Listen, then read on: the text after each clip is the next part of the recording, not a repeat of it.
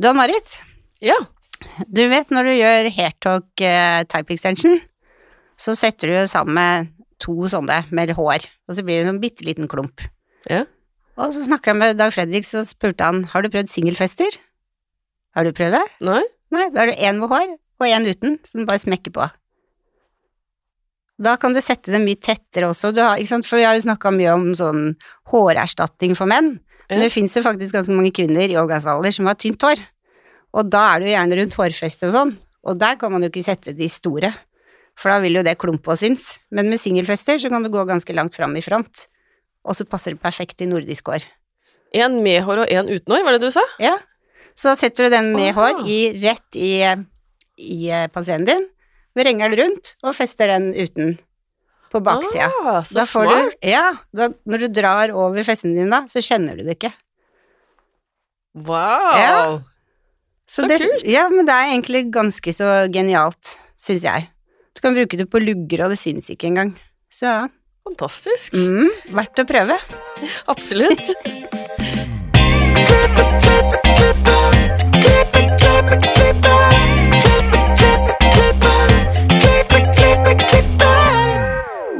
Velkommen til Hårpodden. Jeg heter Ann-Marit. Jeg heter Renate. Ja, hvordan har uka di vært, Renate? Jo, den har vært kjempefin. Jeg har gjort eh, en veldig gøy ting på søndag. Å? Ja, da var jeg invitert til På håret front, for de lagde da årets frisørbildene sine til årets team. Så fikk jeg være med og se hvordan de gjorde det, og plukke ut klær og følge med på Plukke på detaljer og se hvordan de jobba. Annerledes enn oss, på en måte. altså. Så det var veldig gøy. Ja, var det, ble det bra?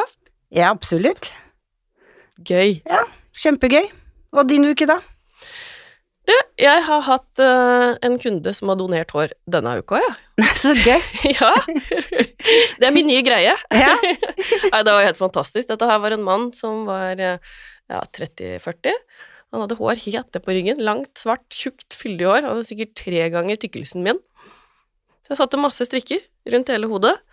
Så Var det han du barberte inntil Ja, skallen? så Var det det? Ja, Ja, det var helt rått. Han ble fin uten hår òg. Ja, han ble kjempefin. Det ble bare to vidt forskjellige personer. Ja. ja. Hva var det som fikk han på den ideen? Uh, nei, han hadde søkt rundt om uh, hvem er det som uh, donerer hår, så det han ville det Han ville vel kanskje ikke nødvendigvis klippe av seg så kort, men han hadde så lyst til liksom ha den følelsen, donere hår og Ja. Gjøre noe bra. ja. Ja. Og vi lagde jo en gøy reels ut av det, og var veldig med på det, og Nei, det var kjempegøy. ja, så bra. Jeg Ja. så den, han var kjempebra. Ja, Tenkte han var tøff. ja. Ja, Veldig. Herlig. Mhm, Flere av dem. Flere av dem. Men vi har jo med oss en gjest her i dag. Ja. og dagens gjest er en kjent navn i vår bransje. Han er daglig medeier og eier av We Are One. Han driver Podium og Billys Baker Brygge, og har hatt en lang og spennende karriere som vi gleder for oss veldig til å høre mer om. Velkommen til oss, Ulf Skjerpen. Tusen hjertelig takk. Kan ikke du starte med å fortelle hvordan din karriere starta? Ja, det, det var jo min far da, som hadde en frisørsalong i Hamar. Eh, og jeg hadde ikke noen planer om å bli frisør eller jobbe der, i hvert fall. Det var vel kanskje det siste jeg tenkte på, men eh, jeg var veldig skolelei. Eh, fikk jobb der, sommerjobb egentlig, skulle gå der og sope hår på gulvet.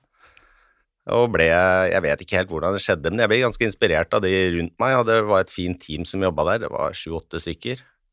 Og jeg tror jeg ble inspirert av tilbakemeldingene de fikk av kunder, og hvor flinke de var, og så begynte jeg Dette er jo sent 70-tall, ikke sant, så jeg, jeg begynte å lære å nøytralisere permanenter. Og da var det jo, fikk jeg forklart at det var veldig Man måtte være veldig, veldig nøye, da. Så det gikk en liten sånn en i meg, at jeg skal være best på det her. Så ja, etter hvert Det bare ble sånn. Så ble jeg der. Jeg gikk læra mi der. I, hos faren min, salong i Hamar. Hva het den salongen? Skjerpen. Ja. Men hvordan var det å jobbe for pappaen din? Nei, det var fint, det. Ja, Eh, egentlig. Jeg vet ikke om han hadde sagt det samme nå. jeg tror det. Vi gikk fint sammen. Men eh, så fikk han tilbud om, å, om et nytt loka, eller et lokale til. Og da sa han at det er noe for deg. Så jeg skal hjelpe deg, sa han, så, så gjorde vi det, da. Så det var kanskje en måte å få meg ut på. Ja. Så starta jeg den, og det gikk som eh, bare det. Det gikk så bra. Så jeg tenkte det her var ikke noe Dette var ikke noe farlig. Det her er lett. Så jeg fikk tilbud om å åpne en tid, Dette er litt sånn i Storhamar, litt utafor sentrum, da. Fikk tilbud om å, et lokal til. Det var en eh, som jeg kjente litt, som skulle åpne et litt sånn kult hjørne med fem-seks eh, motebutikker, platesjapp og litt sånn. Der skulle jeg få lokaler òg, og ble med på det. Husker vi dro til København på noe sånn interiørdesign og, og skikkelig mm, Jeg var ganske inspirert og motivert for å gjøre det her. Det, det her skulle bli nye, liksom. Og det gikk så dårlig. Altså, jeg hadde ikke hatt den eh, andre salongen på Storhamar som de stødige medarbeiderne sto og tok inn mye penger, så hadde det gått gærent, altså. Men ja, vi overlevde, fikk inn noen bra folk etter hvert. Så jeg pleier å si det at jeg lærte egentlig mer eh, om salongdrift av den som gikk dårlig, enn den som gikk bra. Ja, hva var det som gikk galt, om jeg kan spørre? Nei, Det kom ikke noen kunder. Jeg fikk ikke med mine egne kunder fra den jeg hadde en gang. Det var Jeg tror det var litt sånn speisa, jeg. Det var litt sånn 80-tall, vet du, med sånn neonlys og stål og ah, Nei, det var Jeg tror vi skremte flere enn det vi lokka til oss, egentlig. Hamar òg, ikke sant. Det var jo Det blei for hipt? Jeg ble litt for hipt. Ja. Er redd. Men så fikk vi inn eh, litt nye folk. Hun sa ei spesielt, Eva. Hun kom fra sånn tradisjonell eh, damefrisør oppe i tredje etasje i en bygård, og hun hadde jo de kundene der som ikke kunne gått noen andre, så da, da løsna det litt, da. Så da overlevde vi. Så ja. Back in the days. Altså, vi starta jo den eh, i 1985. Hva, hva var det du lærte av at det ikke gikk bra? Nei, hadde den gått like bra, så hadde jeg sikkert åpna to-tre til i løpet av et år. ikke sant? Så nei, jeg lærte vel det at det er ikke bare å åpne døra her og, og at kundene strømmer på. Du må faktisk gjøre en jobb, og jeg lærte ikke minst at det å ha dyktige medarbeidere rundt seg, det er kanskje det, eller helt sikkert det viktigste som er. Så istedenfor at det gikk sånn på lykke og fromme, så lærte jeg at det, ja, salongdrift det var en seriøs greie som måtte gjøres skikkelig. Mhm. Jeg tar meg mye i det nå, da, for nå, nå har jeg havna der liksom at jeg, jeg jobber litt med sånn Nå er vi jo Bumble Aveda, ikke sant, så i Aveda er det noe som heter Business School, Aveda Business School. Eller college, heter det. Så, og der er det masse sånn programmer, så det, det syns jeg er spennende nå. Så det med utvikling av salongdrift og Ja, Mm. det er kanskje noe som eh, ligger litt lettere til enn når man har vært i bransjen noen år og blitt eldre, enn når jeg var sånn begynnelsen av 20-åra, så Er det du som holder det business school? Ja, jeg har Ja. noen moduler som jeg holder i Norge for uh, spesielt Aveda-partnere, da. Ja. Ja. Så ikke for andre. Det kan jeg godt. Men det er veldig mye på den delen, da, for det, det ligger til en del sånn ting vi gjør hos Aveda-salongen og sånn. Jeg kan gjerne gjøre det hos deg og jeg. Ja, så bra. Det er det jeg fisker etter. Mm, ja. Og så flytta du til Oslo? Nei da.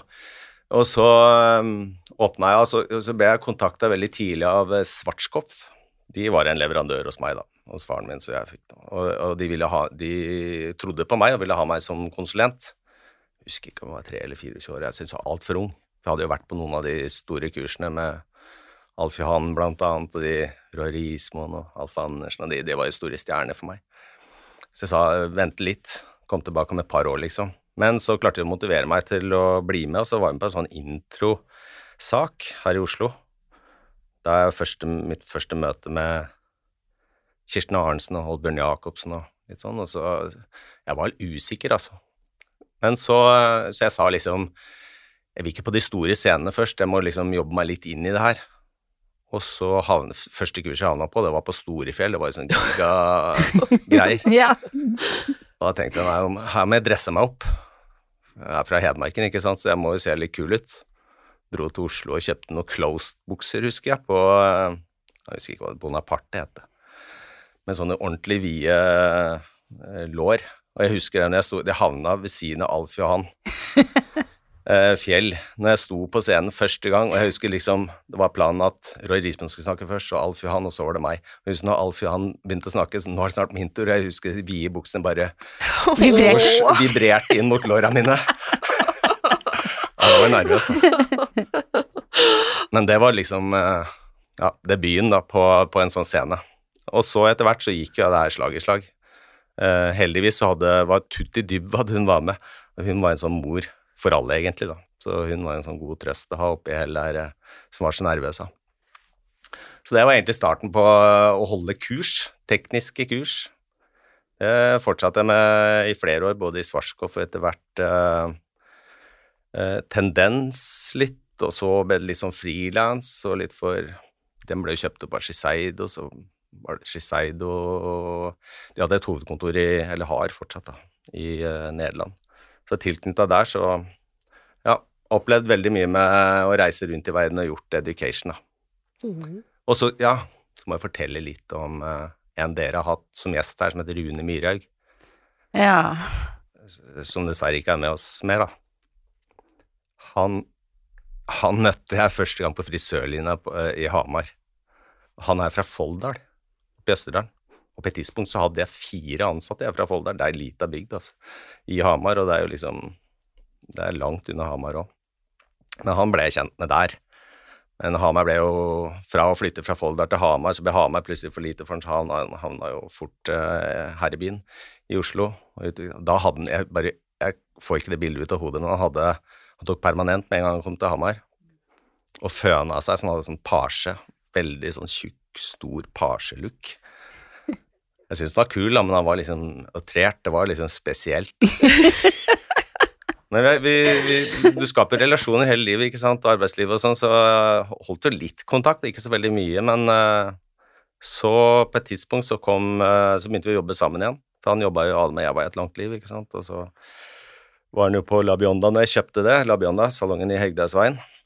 Og før det hadde vi egentlig jobba litt sammen nå, da, for trekte, jeg trekte han inn litt når vi fikk eh, forskjellige oppdrag. Og det han var god på, for han gikk jo Begynnelsen av læra gikk jo han uh, i Hamar, og jeg husker ikke hva salongen heter. Torbjørn Simensen, og, og, lærte liksom de klassiske damefrisyrene. Altså, han hadde jo det grunnlaget der som ikke jeg hadde. Hos faren min var det 90% menn som gikk. Så, så, han var veldig, veldig dyktig. Uh, han hadde et touch som ingen andre, og så hadde han et uh, blikk for ting da, som uh, var helt unikt, syns jeg. Så han hadde jo jobba mye ute òg, og sammen så ble vi ganske gode. Han hadde jo det editorial-greiene med seg. Det var jeg ganske usikker på, mens jeg var ganske stødig på tekniske Altså, jeg holdt kurs, men var med han litt på visninger rundt omkring, både i Norge og litt i utlandet. Og vi hadde jo jobba sammen på, på La Bionda, også på visninger og sånn. Du vet, da var det moteuken, var jo noen store greier i Oslo med trendvisningen på Sjølis to ganger i år, og det var et sånt førstesideoppslag i både VG og Dagbladet. Oi. Ja da, det var det på den tida. Altså der, eh, der ble vi et fint par, da. Uh, og sammen så var det en bra kombo uh, som uh, vi fikk mye ut av. For vi fikk oss, i tillegg til å undervise for bransjen, så fikk vi en del frilansjobber. Vi fikk en agent i Belgia som sendte oss videre ut i verden på New York Fashion Week blant annet, og fikk en litt annen vinkling på det å være frisør, da. Så men education og hele den opplæringsbiten har jo ligget Har jeg fortsatt med hele tida. Hvordan er det å være på New York Fashion Week? Hvordan det er? Ja. Pulsen, og hva skjer ja. der? Nei, det skjer jo veldig mye. Altså, byen er, det skjer jo mye i hele byen, ikke sant. Mm. Og så har du de der locations som flytter seg litt fra gang til gang. Men det var jo der eh, første gangen at jeg traff Bumble and Bumble, da. Eh, vi var i en sånn stor hall Husker helt hvor i New York det var, men i hvert fall eh, så var det flere visninger der. Så var det flere eh, frisørteam òg, da. Så er det jo sånn at som han agenten sendte oss bare over, vi måtte jo traff jo nye folk ikke sant, inn i forskjellige team. Men så var det noen som uh, fikk veldig oppmerksomhet, og det var Bumble-teamene. Jeg syns de var både kule og dyktige, og det så veldig bra ut alt.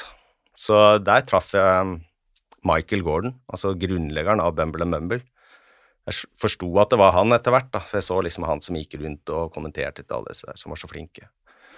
Og da Jeg husker ikke når det her var, kanskje 2000-2001.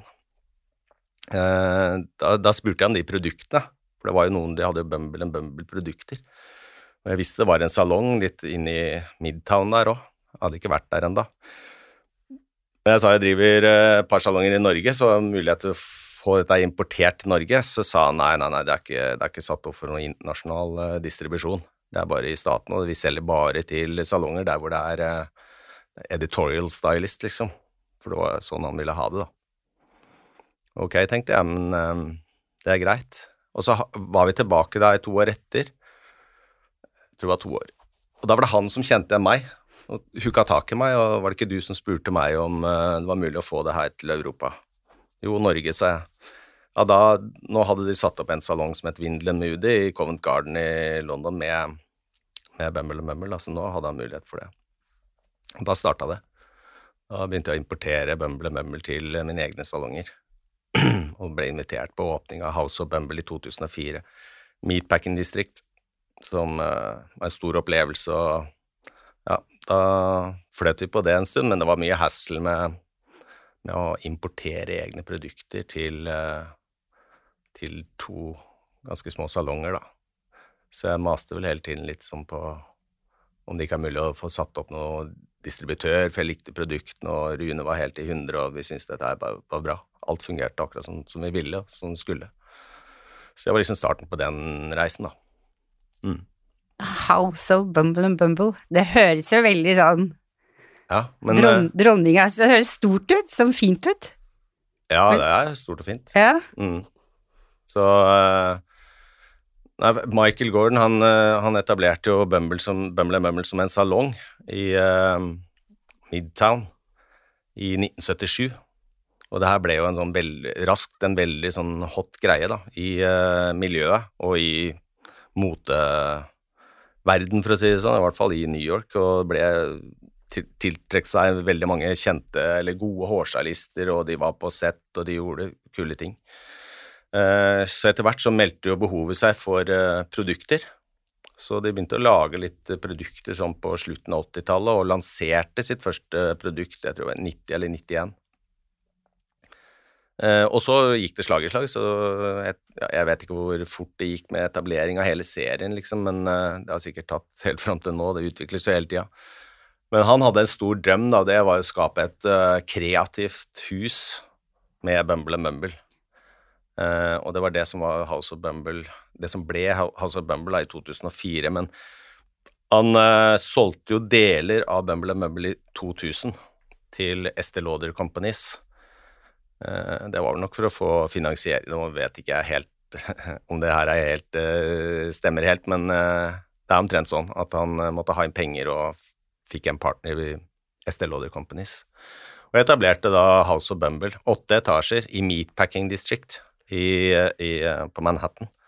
Og det var for at uh, han forklarte det sånn at det var det billigste området på Manhattan å etablere seg for det var jo meatpacking. Altså de ja, matforedling. Mm. Husker vi gikk i gatene der den gangen. altså Det, det lukta råttent. Altså det rant blod i gatene liksom fra slakterier, og det var ganske ekkelt å være der.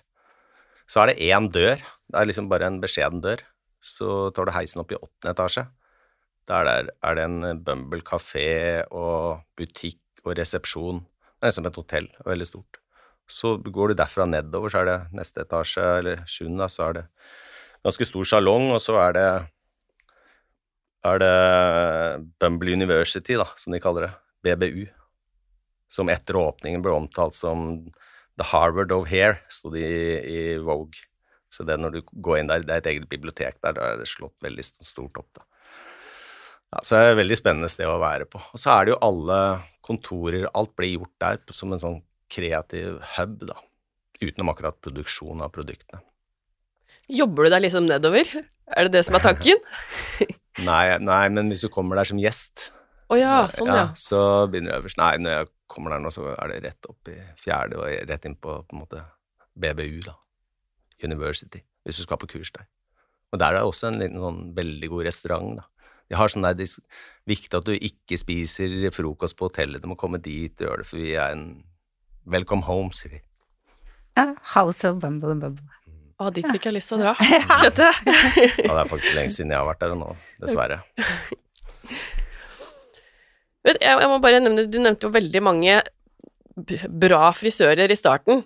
Jeg må bare spørre, hvordan var det liksom å komme inn der, i det miljøet der og liksom henge med de? Som de? Jeg må bare spørre om det. Mm. Det var jo veldig spennende. Uh, jeg syns nok det var stort òg. jeg, jeg husker mye at jeg var nervøs. Jeg hadde liksom litt prestasjonsangst, da. Så jeg måtte hjem og øve, husker jeg. Mm. Jeg, var jo de, jeg syns jo de var veldig gode. Og noen av de gutta de konkurrerte jo, ikke sant. Det gjorde egentlig ikke jeg. Jeg var med litt som lærling og, og sånn. Jeg har konkurrert litt på sånn eh, Nesten sånn som Årets frisør nå, men det var live, da. Freestyle het det Ja, stemmer. når det kom. Det vant jeg faktisk eh, en gang. Men eh, Nei, så det, det var spennende. De, de lærte meg mye, og de var jo, de var jo snille, da. Liksom, de skremte meg litt sånn på frokosten, den første kurset med Spiser du frokost når du skal ha første kurs, liksom? Det gjorde ikke vi. Da var vi altfor nervøse for det. Så eh, de gira jo opp det litt òg, da. Men eh, nei, det var, det var kult å være i det miljøet, og jeg ja, ble fort kjent med mange av de der i bransjen. Da. Så det var spennende. Jeg husker også jeg, jeg jobba som frisør i Hamar, og så var det den motemessa i Oslo. Da var jeg med La Bionda, da, som jeg senere kjøpte, og Kirstin Arnesen og de, og assisterte. Dro inn og tok meg fri og gjorde det, da. Mm -hmm. uh, for å lære, egentlig. Og det var ikke noe ikke noe fet, fet i lommeboka av den, altså, men uh, kom deg inn i miljøet, da. Kunnskap og Mm. kontakter og alt det her. Mhm. Viktig, det. Er det noe kurs eller visning du husker spesielt godt? Du har jo opplevd så mye og vært med på så mye. Mm. Ah, det er så mye, vet du. Mye sånne episoder og sånn, ikke sant, så begynner å tenke dem, så er det jo mye morsomt, da. Eh, og visninger. Også I tillegg til det så har jeg vært i Intercoff før siden 93-4. Og ble raskt artistisk leder der, som det heter, da. Og like raskt både i Norge og for Norden. Så, så det har også dratt meg ut en del i verden, da. Selv om det kanskje ikke så ofte, så var det litt sånn stor, de har store show og sånn. Akkurat der er det én spesiell episode jeg, jeg husker godt. Jeg tenkte på når jeg gikk bort hit. Det må jeg nesten ta med meg, altså, for det Jeg st- sto på La Bionda til daglig og var frisør, og hadde en god kunde der som eh, var legemiddelkonsulent. Reiste rundt i verden. Spennende dame å snakke med. Hun var indonesisk. Lurte alltid på hvor jeg skulle neste gang, og hun reiste mye, og jeg reiste jo ganske mye òg. Og da sa jeg nå ser jeg fram til liksom å komme til jeg skal visning i Tokyo eh, for Intercoffers verdenskongress, da. Og Norden, liksom. Vi skulle representere Norden. Og vi hadde jo gira opp det her litt og hadde med en eh, Så jobba sammen med meg, som heter Anita Farstad. Flink eh, makeupartist og stylist, og hun hadde kontakt eh, med en spennende kunstner fra California som skulle gjøre klær av papir, husker jeg. Hvit papp. Og vi skulle gjøre veldig blonde eh, eh, japanske modeller, da. Parykker. Som vi klipte veldig sånn grafisk og sånn. Så det er planlagt, det er godt. Eh, men så sier hun kunden min at eh, Oi, det er, det er spennende. Der, eh, jeg elsker å være i Tokyo, liksom, og der bor søsteren min. Og hun kommer hit om 14 dager. Så da skal vi komme til deg liksom, og ha et møte. Skal vi høre liksom, eh, hva du kan oppleve i Tokyo, da. Så kom hun, hun bestilte time, faktisk, og var hos meg. Og øh, hun var kjempehyggelig og veldig sånn frampå, da, og jeg måtte si flighten min og alt, ikke sant, for hun skulle jo bare treffe meg når jeg var der, og skulle komme og se på den visninga her som jeg fortalte om, da. Den syns jeg hørtes veldig interessant ut. Så Anita Farstad og jeg, vi hadde samme fly. Er ganske sliten når du flyr til Tokyo, da, når du går ut der, ikke sant, du føler deg ganske ja, føler deg som en tøffel, egentlig. Og kommer ut der eh, med all den bagasjen som vi hadde med da, og der sto hun damen og hoppa opp og ned bak noen folk. Og, og tok oss imot, da. Og bare 'kom her', hvor er, og all den bagasjen, den skal bare dit, og dere kommer her, for da hadde med egen varebil for, eh, for ja, alt vi hadde med oss. Og så åpnet hun Der sto det en sjåfør. Hun hadde privatsjåfør med hvite hansker, husker jeg. Åpna dørene på en sånn svær Rolls-Royce. Og det var et sjokk. altså Jeg husker Anita og jeg satt i baksetet på den Rolls-Roycen og bare Hva skjedde nå? Her sitter vi på full fart inne i Tokyo sentrum, liksom. Og Nei, hun var helt fantastisk. Hun var, ja, altså Jeg hadde truffet henne én gang. Hun slengte til med en sånn liten pose med penger til meg.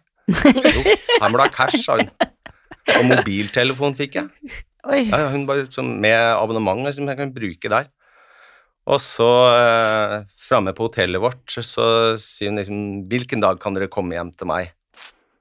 Nei, så jeg hadde jo helt tett program, ikke sant, så det, det er egentlig bare i dag. Jeg var så trøtt. Jeg tenkte bare i dag, ja, da ordner vi det. Da blir du henta klokken det og det her, ikke sant. Og jeg er på rommet og bare slokna helt, og plutselig ringer og da er det fra resepsjon, da Sjåføren din er her, liksom.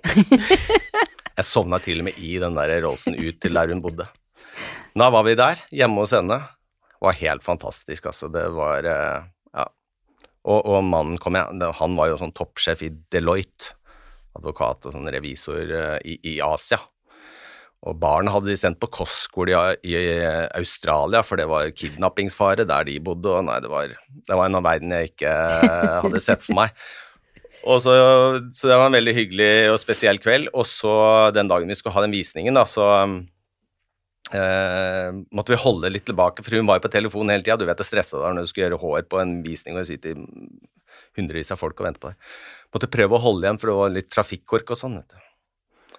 Og så eh, fikk jeg beskjed da var hun på vei inn, da. Og da hadde hun dressa seg opp i bare hvitt. Hun hadde en sånn kort, hvit pels, husker jeg, og alt var hvitt, for jeg hadde forklart hvordan vår visning skulle være.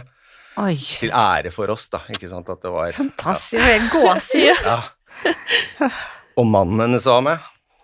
Altså, det, det, var en spesiell opplevelse. Og så sa hun jeg har en shoppingleilighet inne i Tokyo. Jeg husker ikke hva det er det fineste eh, området der. Så hvis dere har lyst, det er bare å bo der hvor lenge dere vil, liksom. Så Anita ble igjen, hun. Og hun Jana, tror jeg hun het, hun designeren. Ja, de bodde der etterpå. Hun, De dro ikke hjem. Ja, det skjønner jeg godt. Ja, ja, ja. Altså, det er ikke det Altså, det er én av mange opplevelser, og det spesielle her er liksom omstendighetene rundt det. Mm. Og det bringer med seg så mye annet som eh, gir deg egentlig helt andre opplevelser enn det du kan forvente, da. Som en følge av at det du ja, havna i den posisjonen du har havna i, da. Så eh, Nei, det var veldig gøy. Men vi har gjort, vi har gjort veldig mye Veldig mye, ass. Eh, som er morsomt. Vi vil se en gang på Årets frisør. Vise, Det er visninger der, ikke sant.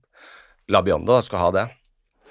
Vi hadde med Pauline Nærum var med, og Tommy Løland, Rune og jeg selvfølgelig, og hele La Bionda-teamet, da. og eh, temaet var nomader. Det var liksom temaet. Vi skulle lage ja, visninger, og vi hadde med Vi dressa det opp, ikke sant, med masse sånn Alt ifra sånn ting fra Peru til uh, Afrika, og en god sånn miks. Veldig, veldig kul styling. Og så hadde vi med geit.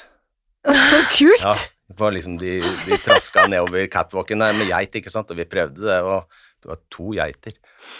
Og uh, det fungerte, de gikk etter og sånn. Så på generalprøve og alt, det gikk så bra. Og så satte showet i gang, da, ikke sant, men uh, de geitene hadde ikke opplevd så mye folk. Så mye, ikke sant? De satte seg helt på bakbeina.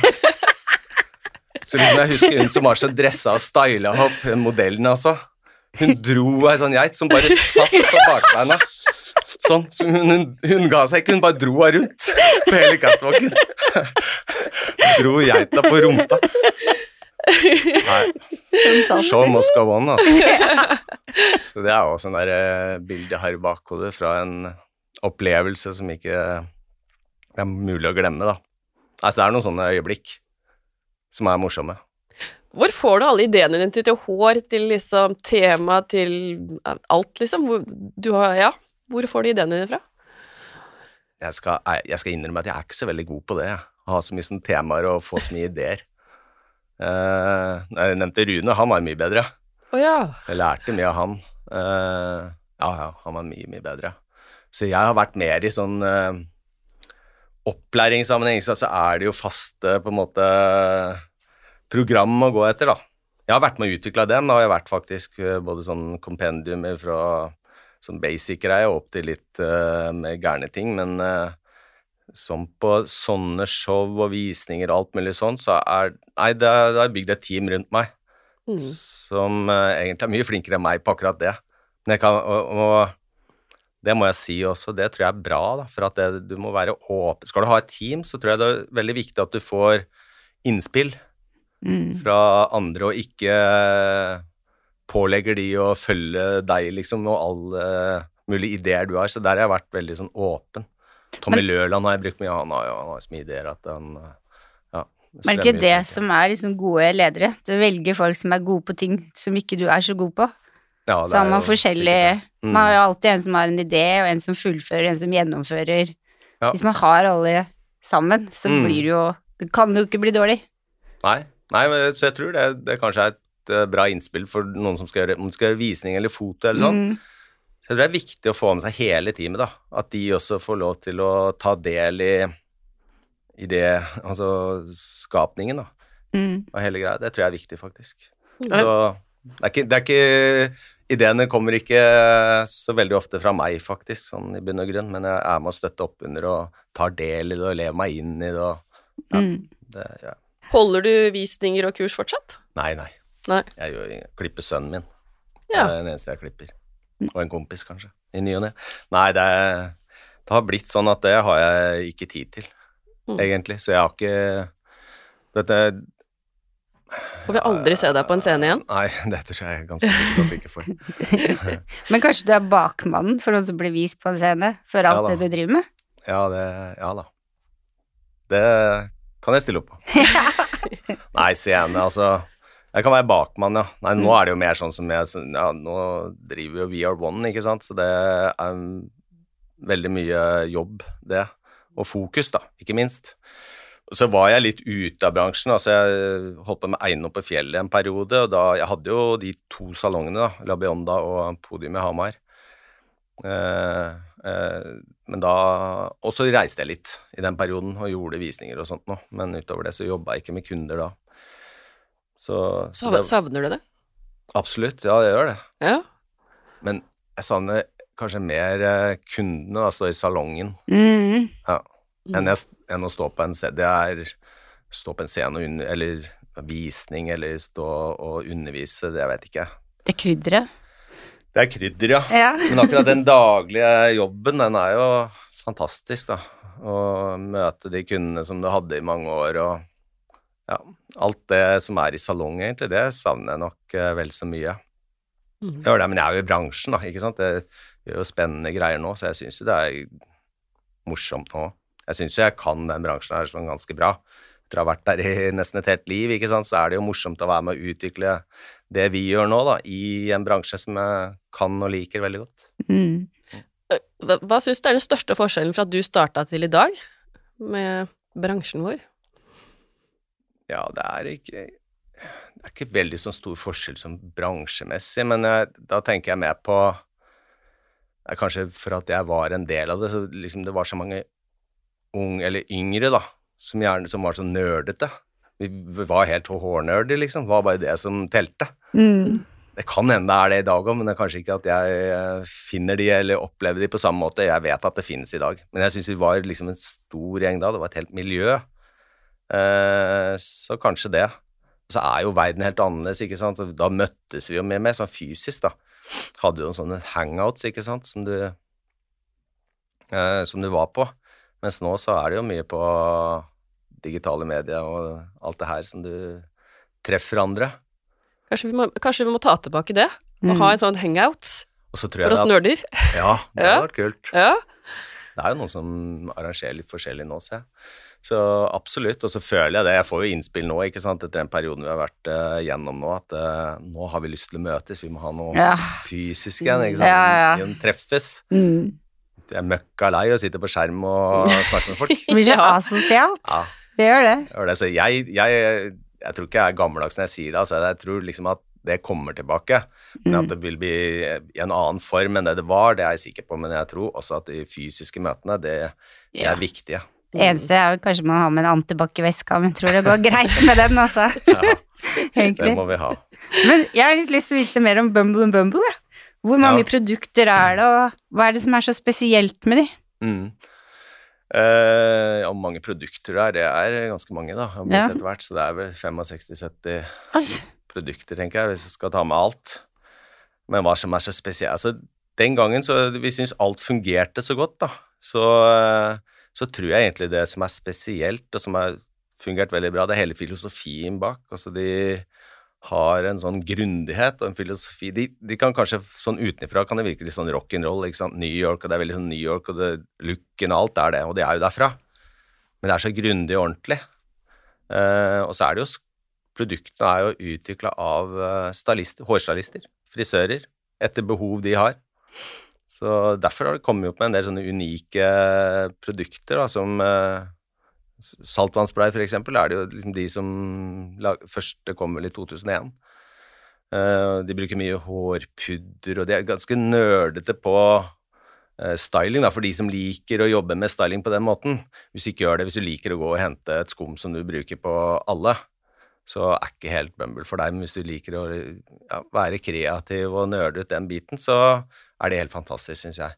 Og så fungerer alt sånn som det skal, så derfor så har jeg holdt på det, da, selv om jeg jobba for andre og sånn, så holdt jeg på den, eh, den Bumble-importen til salongene, selv om det var mye hassle, som jeg sa. Kunne ikke det, vet du. Jeg kunne ikke den businessen der. Så, men samtidig så var det jo det som brakte meg inn i det som nå er VR1, da. Ikke sant? For jeg maste jo, så til slutt så var det en som ringte fra Estée Lauder-kontoret i Paris og spurte om jeg fortsatt kunne være interessert i å se på noe sånt noe.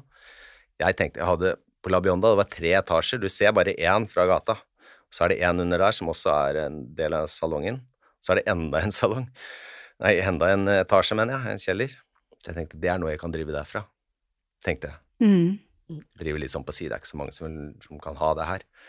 Så, men så kom han flyende fra Paris, tok en lunsj på, på Tjuvholmen, husker jeg, og så la frem det her forslaget her da, og dro med seg Veda i samme slengen, så da fikk det et helt annet perspektiv. ja, så ja, derfra og hit så har det jo utvikla seg veldig, det, da. Hvor lang tid tok det fra du, du tok det inn til bare dine to salonger, til at det nå holdt jeg på å si er for alle frisører? Mm. Nei, først så var jeg her i 2012, så skrev vi kontrakt som starta i slutten av 2013. Eh, nei, så, så, der igjen, da, så gode kontakter i bransjen og, og sånn har gjort til at eh, jeg har gode venner og kollegaer og så vi starta i mine to egne salonger og fikk fort med oss en del andre. Jeg husker jeg satte opp en sånn uh, drømmeliste, eller ønskeliste, eller hva man skal kalle det, og inviterte til en uh, sånn en kveld, da, en presentasjon, på La Bionda. Så i dag så tror jeg vi har de fleste av den uh, på den lista. Wow! Mm. Aller fleste ja, i dag, så. Og noen kom på ganske fort, og så har vi egentlig vært veldig tålmodige. Vi er ikke et sånt firma som vi går ikke og banker på dører, liksom. Folk kommer til dere. Det er en kombinasjon. Da. Vi Mm. oppsøker, vi òg. Det gjør vi absolutt. Så vi gjør det. Men uh, noen kommer til oss, og ja. En god For kombinasjon. Aveda føler jeg Det er liksom uh, sanser òg, det. Det er jo lukter, og det er chakrasprayer, og Ja, ikke sant. Det er hele et helt konseptet. konsept. Ja, litt vil- sånn vil- livsstil. Ja. Det er jo et lifestyle-band. Ja, vi det er det. det. Og den podium da i Hamar, det, det er jo en lifestyle, som vi kaller det det da når det er på det nivået. Da har de absolutt alle Aveda-produkter og utfører behandlingene og ritualer og alt det her. er. Så jeg vil si det er jo, det er jo mer et salongkonsept Aveda, Ja. Ikke sant? For da, det endrer jo egentlig på måten du jobber på i stor grad. Mens Bumble and Bumble er mer et eh, produktkonsept, eller et sånt brand. Ja, så det er litt forskjell på det. Du, det. du kan jo jobbe med Bumble and Bumble uansett på en måte hvilken type salong du har, da. Det Mm. går med på deg som, eh, som frisør, syns jeg. Måten du liker å jobbe på. Men Aveda, hvor mange produkter er det? Oh, at du skulle spørre om det. Jeg klarer ikke å svare deg. Altså. Det, det er jo skincare, ikke sant. Full Ja. range og bodycare og Det er fantastisk. oljer. Altså, vi, har, vi leverer jo til profesjonelle spa og kommer noe spennende i Oslo om en stund. Så nei, så det er, det er veldig mange produkter. Da. Men du, du, man må jo ikke ha det. Altså, man kan jo være frisør og jobbe med Aveda, som et Aveda-konsept. Ja. Det er noe du lever deg litt inn i òg. Det er liksom vanskelig. Men det er jo liksom hvis man ser for seg at du tar en dusj, du kurer håret, surrer fast, tenner på et lys fra Aveda, lager en Aveda-te. Mm. Det er deilig, da. Det er Ja, ja. liksom lukten og hele greia rundt Mm. det også. Mediterer du litt? da? Ja, ikke sant? Ellen-Marie, kona mi, pleier å si at det eneste hun ikke bruker om morgenen fra Aveda, det er tannkremen og deodoranten. Sant det. Er det Ja, det noe er som vilt. kommer? Nei, det tror jeg ikke. Ja. Ikke Men det er jo team rundt Bambel og Bambel òg, et kreativt team. Ja. Hva, hva er det de gjør? I Norge? Eller i Norden, da? Nei, nå må jeg bare innrømme at nå har vi ligget litt brakk en stund, så nå har vi holdt, eh, holdt oss på skjermer. ellers så har vi jo samlinger her og gjør treninger ute og noen kurs også. Vi har ikke et eget studio eller akademi eller sånn, det har vi ikke, men vi gjør mye ute i salong og noen visninger og sånn. Og så har vi Vi gjør noen morsomme greier. Vi reiser litt på Fashion Week. Paris stort sett herfra, da. Eller New York. London har vi forresten vært òg. Og så har vi et uh, morsomt samarbeid med Øyafestivalen. Og det, det, er ikke bare for teamet, det er faktisk for Bumble-salonger i Norge, så da gjør vi litt greier rundt det. Nå har jo det ligget brakk òg, ikke sant? Men Alt har ligget brakk. Ja. Og da har vi litt sånne aktiviteter og sånn, så du kan komme Da kommer Bumble-stylister fra Bergen og Stavanger og Tromsø overalt, og inn og er med å style artister, da. Det er sånn backstage-salong vi har der. Har vi hatt i mange år. Så det er en morsom greie, da. Det er en Så- kul greie. Ja, og det passer liksom godt for Bumble og Mumble. Så det er der du samler alle hårgeekene. Ja. ja. Hva skal til for å være med på det teamet? Nei, det Vi har ikke noen sånn klare kriterier på det, da, men eh, Bumble har jo sine egne sånn filosofier, som jeg sa i stad, og, teknikker. Jeg er ganske nerdete på det, så vi er kanskje litt sånn Noen vil si kjedelig, da, for vi starter alltid på det. Vi, vi underviser på en måte ikke de morsomste greiene til å begynne med. Og eh, Global Artistic Director eh, Laura Philippon, han er jo en av verdens eh, aller eh, dyktigste hårstylister, vil jeg påstå. Han er jo, han kommer jo fra den skolen selv, han, er, han har gått i lære hos Alexander de Paris ikke sant, og kan de der klassiske greiene, men er eh, skikkelig dyktig sånn fashion-hårstylist, da. Så den kombinasjonen er litt sånn som Rune, faktisk. Mm. Vi har snakka mye om, men eh, litt sånn den kombinasjonen eh, er veldig bra, så den eh, har vi tatt til oss. Vi begynner rett og slett med sånn basic greier, for det, det har jo mye med produktene å gjøre, for man prepper jo Starter med alltid en prepp, ulike prepper, ikke sant, for å bygge opp hår og for å få håret til å eh, ta til seg de andre produktene, om det skal være tekstur eller om det skal være stivelse eller hva det er, på en jevnere måte, da. Så det er på en måte vi bygger det opp eh, litt, så det er veldig morsomt å jobbe sånn. Mhm. Så eh, det er ikke noe kriterier annet enn at vi starter alltid der, liksom. Vi hopper ikke over noe når vi gjør uh, opplæring, da. Mhm. For hvis jeg husker riktig, så Mm. Rune, han var vel helt rå på føn og form, Ja. var han ikke det? Jo, det og sånne Han hadde en sånn schwung, ikke sant, Ja. sånne oppsettere og sånn som til og med jeg lærte meg. Ja, noe av. Så ja da. For han kom fra sånn klassisk skole, Ja. han da, Ja. egentlig, og havna i Adam og Eva, ikke sant, som hun lærte en del eh, andre ting, som Så den kombinasjonen ble en veldig bra greie. For jeg tror en gjest som har vært hos oss før, er i det Bumble og Bumble-teamet, Jørgen Beck. Ja. Han er også helt rå på svære sånne føn, Ja, ja, men tekstur også. Ja. Sånn Ja, Jørgen helt er- unik. Jørgen har vært med oss til at han er så ung, så har han vært med oss veldig lenge. Ja. Mhm. Så han, eh, han er veldig dyktig. Ja. Mm. Og veldig bra på tekstur, og han har en sånn egen stil begynner å få han nå, syns jeg. Mm. Mhm. Ja. Man må jo lære seg basicen før man kan begynne å Ja, leke seg videre. ja jeg syns det er viktig, da. Mm. For det er altfor mange som ønsker liksom å starte i andre enden. Mhm. Eh, Så det, det er litt viktig for å ha kvalitet i det du gjør. Mm. Um, Det, det er jeg helt enig med. Jeg synes når du går på frisørlinja, hvis du har noen som bare eh, Jeg vil prøve den bleikinga, og så du veit det går til helvete, men da tenker jeg noen ganger ok, ta det dokkehodet der, gjør det, så lærer du av det, Ja, ja. og så kan du bare ok, da begynner vi med det basic, for da har du liksom ikke bremsa de i den Nei. derre gløden. Mm. Det også syns jeg funker, Ja, men helst fra scratch, liksom. ja, ja. ja. Ja, Mange veier til suksess, suksess ja her, vi hører er så forskjellige. ja, helt sant. Ja. Nei, så Bumble, altså hele teamet som jeg da traff på, eller så på, da, eh, på New York Fashion Week den gangen, det, det glemmer jeg liksom ikke, for det, de var så dyktige og kule. De Mm. gjorde liksom ikke noen sånne snarveier. Og mange av de som var der da, de, de er jo både der og i andre brands nå, ser jeg, så, og så har jo verden sånn forandra seg litt, så nå er det jo ikke eh, det er ikke produktbrandene som går inn, nå er det mer sånn agenter, ikke sant, og så får de inn en ifra ja, eh, en hårstylist eh, som må ha sponsor. Mm. Så, altså, det, sånn har det blitt, da. Og så en annen ting jeg så på New York Fashion Week, de gangene jeg var der, så var det jo noen andre team som var sponsa av andre brands, som hadde hvite ark rundt produktene sine. Så da ble jeg litt nysgjerrig, da. Så det,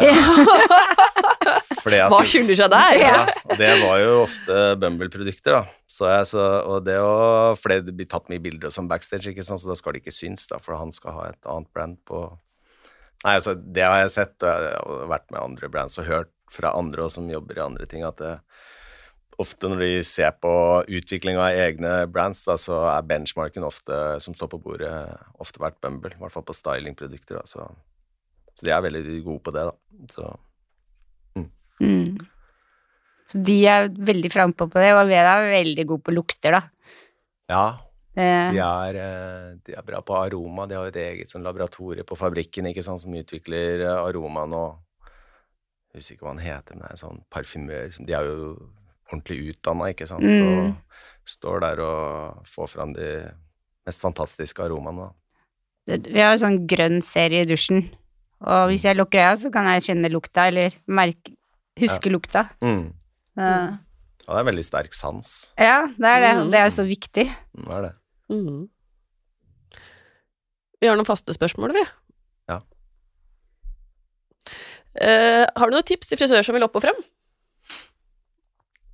Ja, hvis jeg skal tenke tilbake på hvordan jeg har kommet eh, der jeg er nå, ikke at det er noe sånn, jeg er ikke noe King Kong, men eh, jeg tror det er det er en sånn spennende vei Jeg planla jo aldri det. Jeg planla ikke, skulle- ikke at jeg skulle gjøre visninger eller kurs, og ikke at jeg skal bli en leverandør, i hvert fall ikke.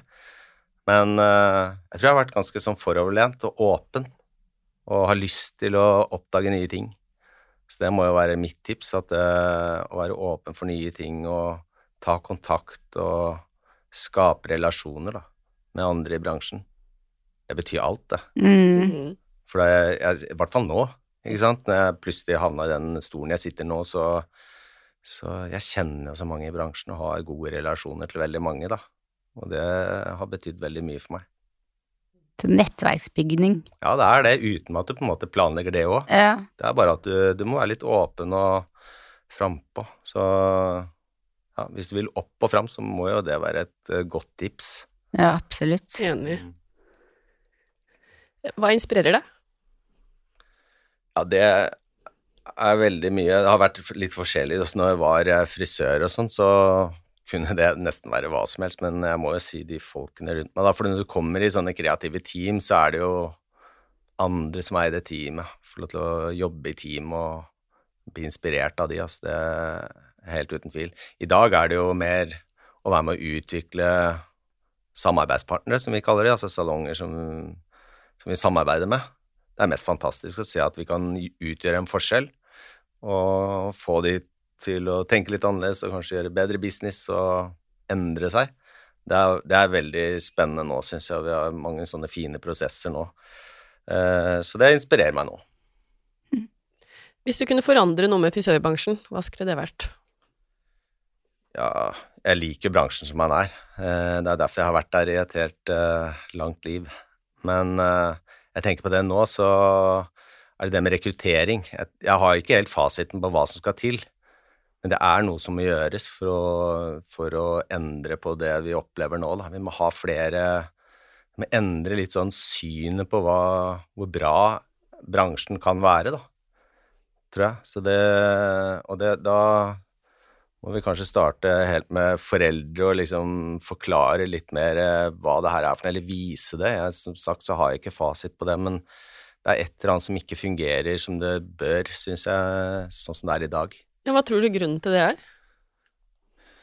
Jeg tror landet her, vi har fått det veldig godt, da, så vi alle skal liksom eh, bli akademikere og Ingeniører og leger og advokater. Ja, Mm. det passer ikke for alle, ikke sant? Nei. Og så er jeg litt sånn lei av å høre at vi har et sånn lavtlønnsyrke, at det er så dårlig betalt og Ja, dårlige frisører har kanskje dårligere betalt, men eh, dårlige elektrikere har kanskje dårligere betalt enn de gode. Det er jo sånn eh, med Mhm. alt. Så jeg tror gode frisører har jo godt betalt òg. Mm. Så, og det er mange eksempler på noen som kan komme seg veldig langt i bransjen, ikke sant. Så det, jeg er litt lei av den vinklinga mot det hele tiden. Er ikke det litt sånn hvilepute, egentlig? Man bare legger seg på det, bare nei. Mm. Det er sånn det er det samme som med netthandel. Nei, det er det som ødelegger. Ja. Men man kan jo tenke løsninger. Ja. ja det med netthandel kunne jeg også snakka mye Men jeg er helt enig med deg, Ja. da. Så, eh, Nei, så uten at jeg på en måte har svaret på hvordan det skal forandres, så er det noe som må gjøres, i hvert fall for å få opp rekrutteringa inn i bransjen. Og da, som vi snakka litt om, altså du må, du må vise litt av det som er eh, gøy òg, da. Mm. Mm. Snakka jo litt om det innen, før vi var på her, at uh, får vi utplasseringselever, så hva skal de gjøre? Vi skal sope håret, vaske og tørke hyller og sånt nå. Mm. Det her var ikke veldig spennende yrke, du. Her, jeg satt rett i vasken med sur fille og skal ordne for de andre. Altså, det må ha litt sånn som inspirerer de, da. Og det tror jeg også at uh, ny Altså, ungdom i dag er jo litt annerledes innstilt enn de var kanskje, da. Eller helt sikkert, da, når jeg kom inn i bransjen, som er veldig, veldig lenge siden. Så uh, ja, det merker jeg jo absolutt. Men jeg tror det, det er sånn det er, så da må vi heller, heller ta det for det det er, og være med å inspirere de og vise de hvor de bra tingene med bransjen, da. Mm, jeg tror vi må kanskje håndtere det på en annen måte. Jeg er i akkurat det der. At de må liksom nesten fotfølges litt og liksom dyttes uti, enn at de må liksom fortjene det, da.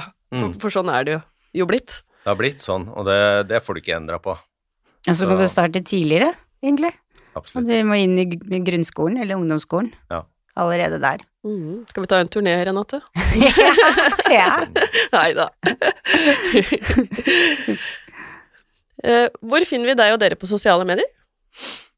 Ja, oss Nå er jo ikke jeg den uh, råeste på sosiale medier. Facebook er uh, Det syns jeg er veldig kjedelig. Så der er jeg aldri. Jeg har en uh, Instagram-konto, da. Men det viktigste er jo Aveda Nordic og Bumble Mumble Nordic. Mm. Vi styrer jo Norge, Danmark og Sverige, så vi har nordiske kontoer der. Og der er vi aktive. Mm. Har dere egne folk som jobber med det? Ja, men de jobber ikke bare med det, da. Nei, nei. Men uh, vi, søker, vi har en ny Vi søker en ny stilling nå.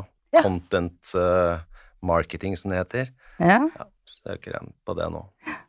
Så det er blitt så viktig del mm. av uh, det å drive business i dag, og det skal man tenke litt på som Det er noen enkeltstående frisører som er helt fantastisk flinke, men det er også ganske store salonger som ikke er så flinke. Ja. Så det er mye å hente der, da. Mm. Tusen, tusen takk til deg, Ulf, for at du ville komme og snakke med oss. Takk til dere også. Veldig hyggelig. Og følg gjerne oss på sosiale medier. Og så høres vi neste uke. Ha det bra.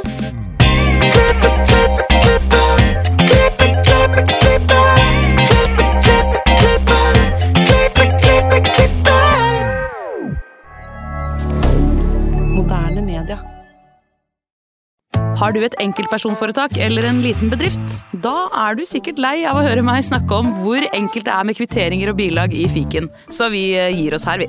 Fordi vi liker enkelt. Fiken superenkelt regnskap.